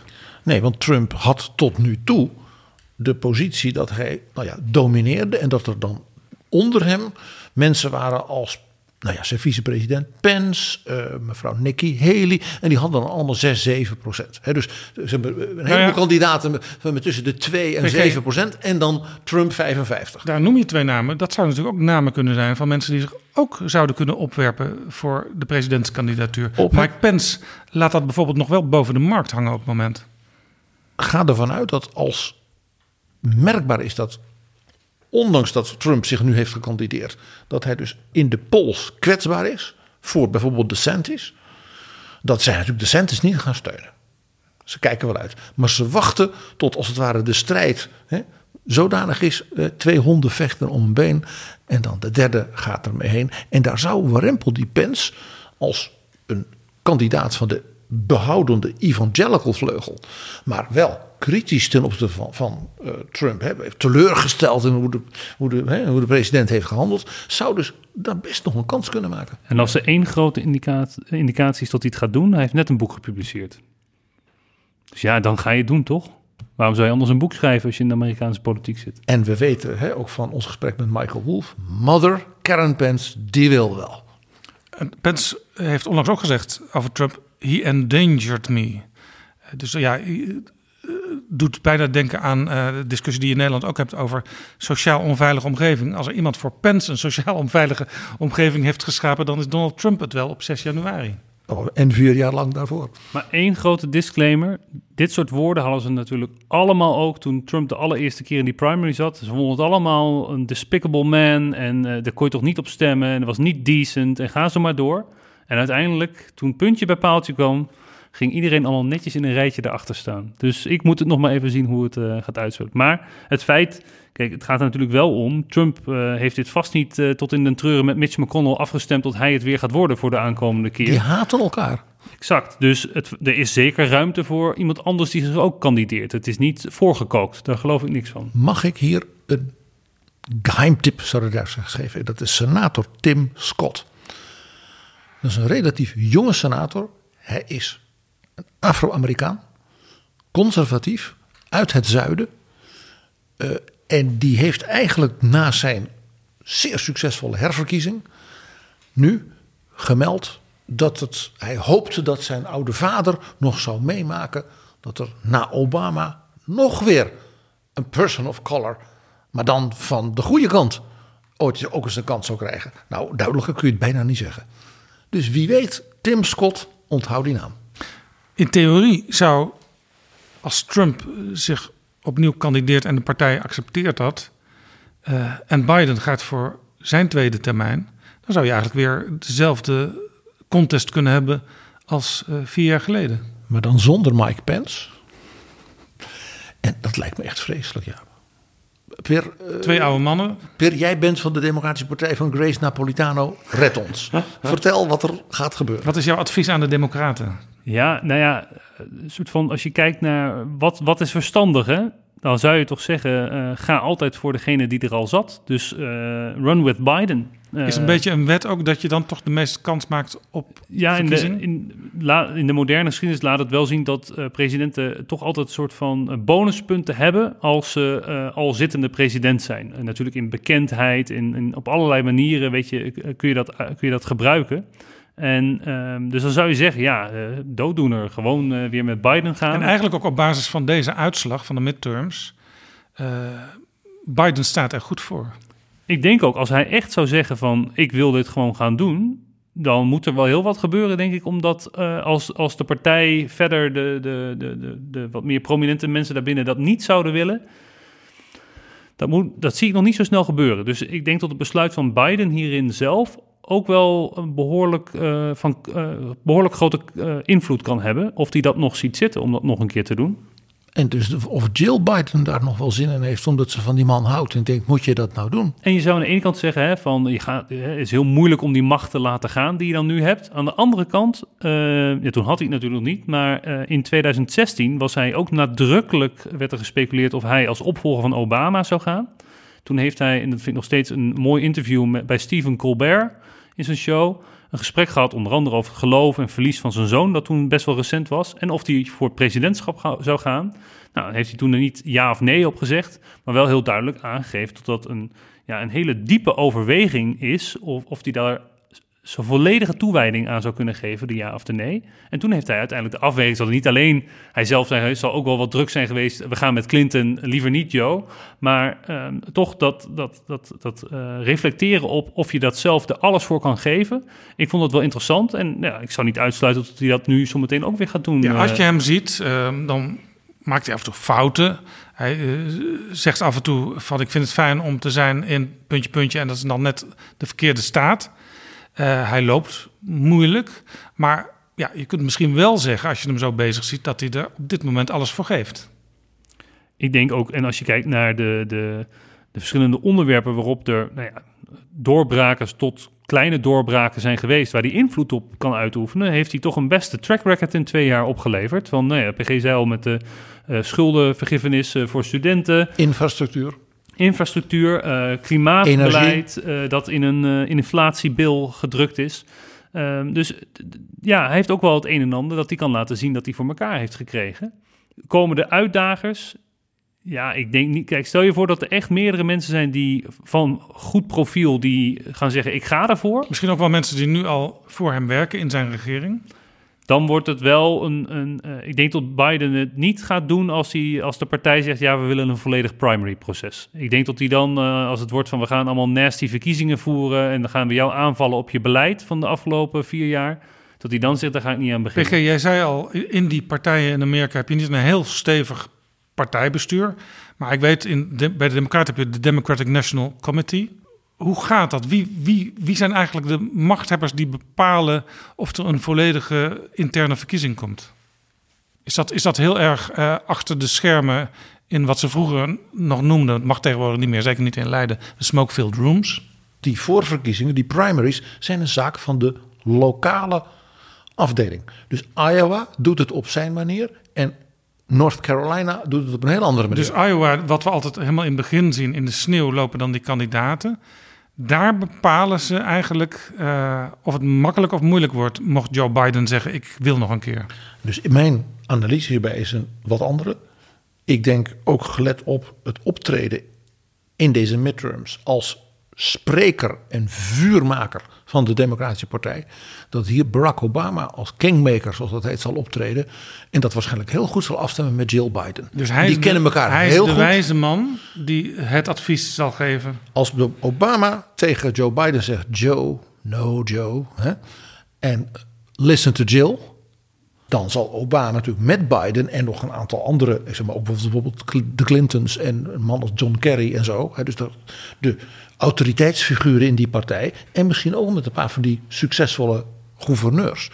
Om de tafel gaan zitten, in het diepste geheim natuurlijk.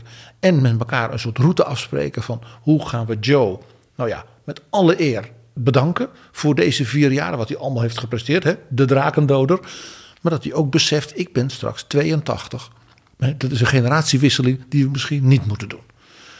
En dan, ja, dan zal men iets van een procedure bedenken richting die conventie. Om natuurlijk verdeeldheid en oorlog in die partij, anders dan bij de Republikeinen, te voorkomen. Dus ik denk dat Obama hier, ja, in zekere zin dus met Jill Biden, uh, een hele belangrijke rol zal spelen. En dat we dat in, of, over 20, 30 jaar in de boeken zullen lezen.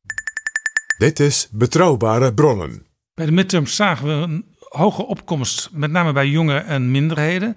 Kun je zeggen dat je dat dan ook automatisch uh, over twee jaar gaat zien bij de presidentsverkiezingen? Dat is omdat midterms vaak wat laag zijn in de opkomst. En het bij de jongeren nu meeviel. En met name in die staat waar het heel spannend was, als Wisconsin en Michigan, het zelfs echt meeviel. Is dat wel een indicator voor de mobilisatie over twee jaar. Dat is gunstig, absoluut voor de Democraten die mobilisatie die is dus groter. Dus je, je ziet ook natuurlijk de artikelen hè, van uh, tot, de, tot de jongere generaties deze overwinning, op in ieder geval op, meevallend resultaat voor de Democraten, laat ik het zo zeggen, um, uh, ja, geholpen hebben. En de ene kant, hè, dat is waar. Wat mij wel opvalt, is dat het dus niet per definitie dan ook is voor een hele jonge kandidaat. Die doen het niet per definitie beter. Of een, uh, of een soort van. nou, dat zag je natuurlijk bij de, bij de aantal jaar geleden al in de voorverkiezingen de steun voor Bernie Sanders kwam vooral ook van jongeren. En Bernie Sanders is een oude kandidaat. Ja, en dat is dan ook nog wel zo'n natuurlijk een hele linkse kandidaat. Uh, maar je ziet toch ook de, de, wat, uh, ja, de wat gematigde kandidaten ook prima dezelfde cijfers kunnen overleggen aan hogere jongerenopkomst als sommige anderen. Dus de, de, de dynamiek daar, dat, uh, dat, dat gaat ook nog wel impact hebben op wie je zometeen het beste als kandidaat kan hebben als democraat. Nou, wordt natuurlijk over twee jaar ook een deel van de Senaat gekozen. Dat zijn dus andere plekken dan er nu gekozen zijn. Want het gaat uh, elke twee jaar uh, een derde deel. Ja, en dat zijn dus weer heel andere staten dan nu. En wat betekent dat? Zijn nou toevallig staten waar de Republicans met twee vingers in de neus meestal winnen. Dus dat wordt lastig, want dat zal dus betekenen dat de Democraten, ook wat betreft de financiën, heel belangrijk hier, dus een sterk defensieve campagne zullen moeten voeren in 2024. Vasthouden wat we hebben.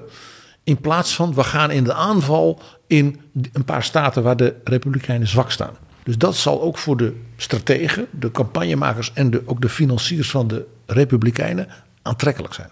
En dat maakt het ook dus nu al extra interessant. Je zou denken 50-50 of 51-49, wat maakt het uit?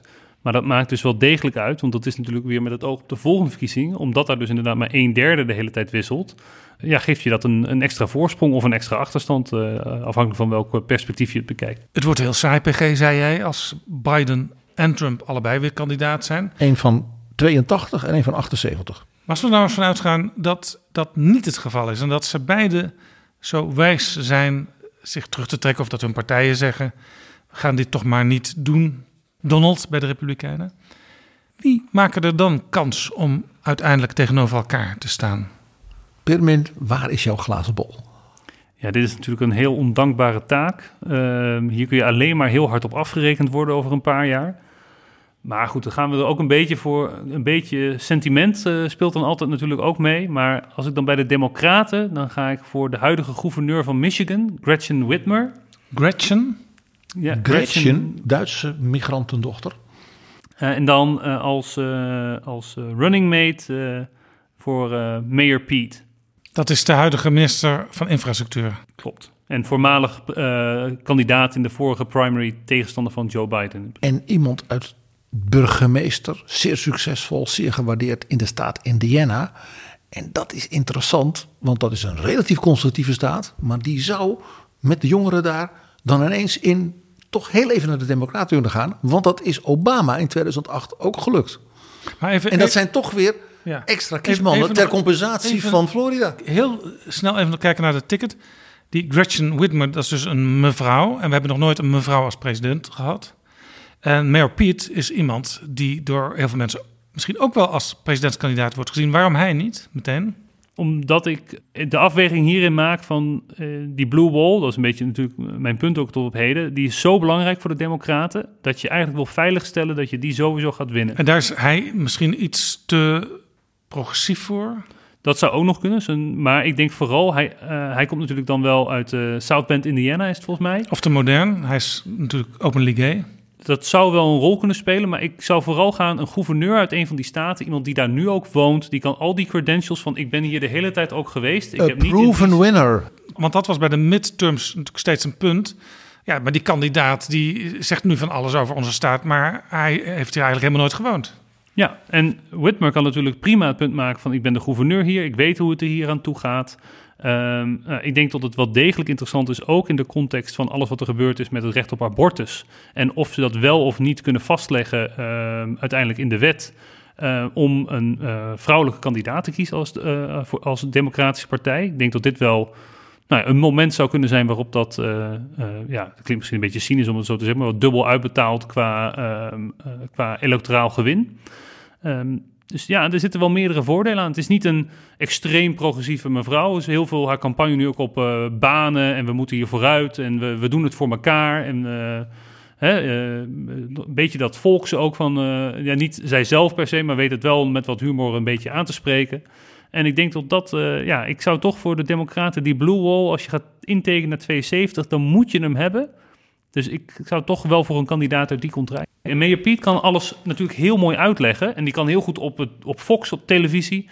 Perfecte rol voor degene die soort van alle lastige vragen kan beantwoorden op tv. Mayor Piet als explainer-in-chief, zoals het mooi heet. En hij is een stuk jonger dan mevrouw Whitmer. Dus als hij acht jaar haar vicepresident is geweest, maakt hij een goede kans. We gaan Gretchen Whitmer in ieder geval wat mij betreft met veel interesse volgen. Dat kan ook via haar eigen website michigan.gov slash Whitmer. En dan de Republikeinen. Ron DeSantis. Ron DeSantis. Ik denk dat hij het uiteindelijk niet gaat halen. Uh, ik denk dat als ze een compromiskandidaat zoeken en ze de evangelical kiezers willen vasthouden als basis, dat ze dan toch uiteindelijk voor Mike Pence gaan. En dat dan bijvoorbeeld die Tim Scott als vicepresident, jonger, zwart, behoudend, maar wel uitstraling, dat dat een heel spannend duo kan zijn. Maar Mike Pence, dit is toch ook een beetje uh, de lovingstock van heel veel uh, televisieprogramma's geweest de afgelopen Trump-periode? Uh, beste Jaap, dat is alleen maar in zijn voordeel. Dat zijn de liberals van Hollywood dat, dat juist heel veel gewone Amerikanen zullen zich dan eerder met hem vereenzelvigen. Dus, het is goed dat hij zo in Saturday Night Live als een beetje een Dumbo werd afgeschilderd. Vergeet niet hoe men Ronald Reagan als een domme cowboyfilm enzovoort, enzovoort, enzovoort. Mike Pence is uh, gouverneur geweest, heeft wat dat betreft meer ervaring dan wij hem misschien hier gunnen. Zoals dat ook voor. Kan me volgen in je redenering, eh, PG? Ik weet niet of hij het gaat redden binnen de partij, hè? Dat is de Dat vraag. is het punt. Ik denk dat DeSantis wel de grootste angst van de democraten is. Eh, als je even de, de Trump... eh, Want het weglaat. idee is een beetje, hij heeft ongeveer hetzelfde idee als Trump, alleen hij is veel geslepener. Hij heeft ook dat volksige, wat hij eh, makkelijker, denk ik, kan inzetten om eh, dat populistische element in die Trump-beweging wel te mobiliseren om op hem te stemmen. Tot men niet. Want het kan wel funest zijn voor een Republikein natuurlijk als je echt een soort van. Niet alleen maar die, die echte eh maga gekken, om het zo maar te zeggen. Maar wel mensen die daar nog steeds, eh dat is een behoorlijk percentage, daar flink op die, eh, op die trein zitten, om het maar zo te zeggen als je die volledig verliest, of tot er gelijk als je kandidaat wordt, tot daar een enorme backlash komt van we moeten van je af en dit is illegitiem, krijg je dat hele verhaal weer. Dat is wel het risico van Pence natuurlijk. Dat je gelijk een enorme afscheiding krijgt binnen de Republikeinse Partij. We moeten hem niet.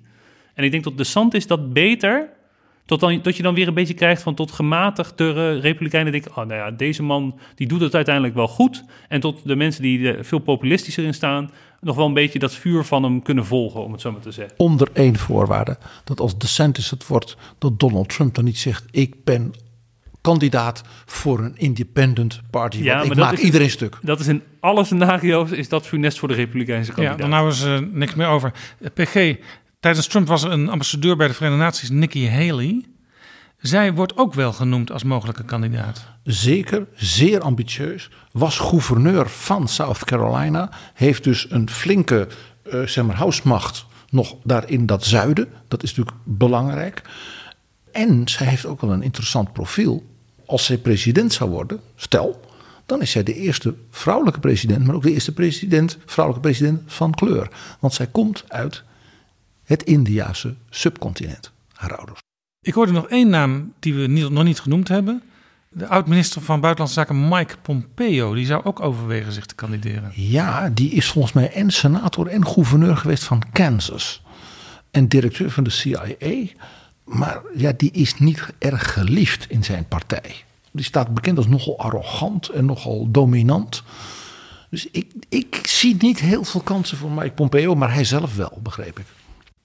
Kortom, er is nog heel veel te volgen de komende twee jaar. En daarna natuurlijk ook You nog. ain't seen nothing yet. En als er echt grote ontwikkelingen zijn, dan gaan we weer bij elkaar zitten. En dan praten we hierover verder.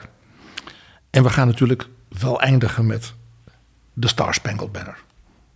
Het volkslied. Het volkslied. En hoe doen ze dat in Amerika? Bij de Super Bowl. Ja, zo'n enorm stadion. En dan heb je zo'n, er is altijd meer een marineband. Hè, met heel veel. Ik heb een keer Nick en Simon dat heel mooi horen zingen bij zo'n wedstrijd. In Amerika. In Amerika. Ze waren ze- daar voor een tv-serie die ze maakten. Wisten ze wie Nick en Simon waren? En Roland Dam. Moesten ze ook in klederdracht? De Dutch Simon en Garfunkel. Voor mij is daar ook inmiddels de ernstige polarisatie opgetreden, toch of niet? En je begrijpt, bij betrouwbare bronnen moeten we dat dan combineren met de serieuze kunst en cultuur. Laat nou, een aantal jaren geleden, bij de Super Bowl, dus bij het topkampioenschap, in dat enorme stadion, men America's Sweetheart gevraagd hebben. De meest geliefde operazangeres van Amerika, de sopraan Renee Fleming. En nou, ze had goed geoefend, zullen we maar zeggen. Ze was in topvorm. Dus laten we Renee Fleming het volkslied laten horen zingen.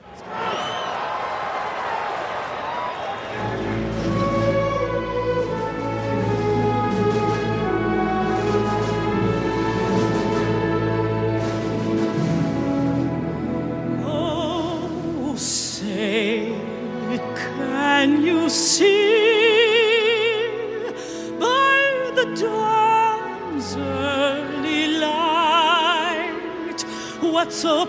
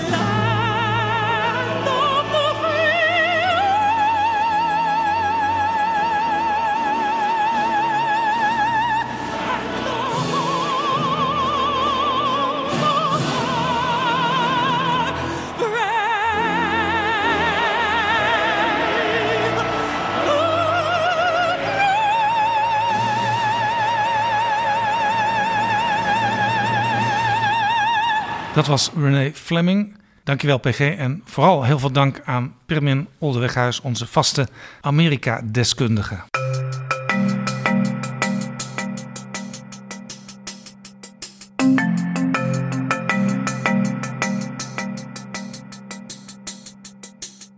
Zo, dit was Betrouwbare Bronnen, aflevering 308. Deze aflevering is mede mogelijk gemaakt door jullie, de vrienden van de show. En nu zet ik dus even de vrienden even apart van alle andere luisteraars. Want die vrienden die maken nog veel meer mooie afleveringen mogelijk. Dus help ons met een donatie. Word vriend van de show. Je mag ook kiezen voor een eenmalige donatie. Daar zijn we ook heel blij mee. En dan noemen we jou in de volgende aflevering. Ga daarvoor naar vriendvandeshow.nl slash bb. Tot volgende keer.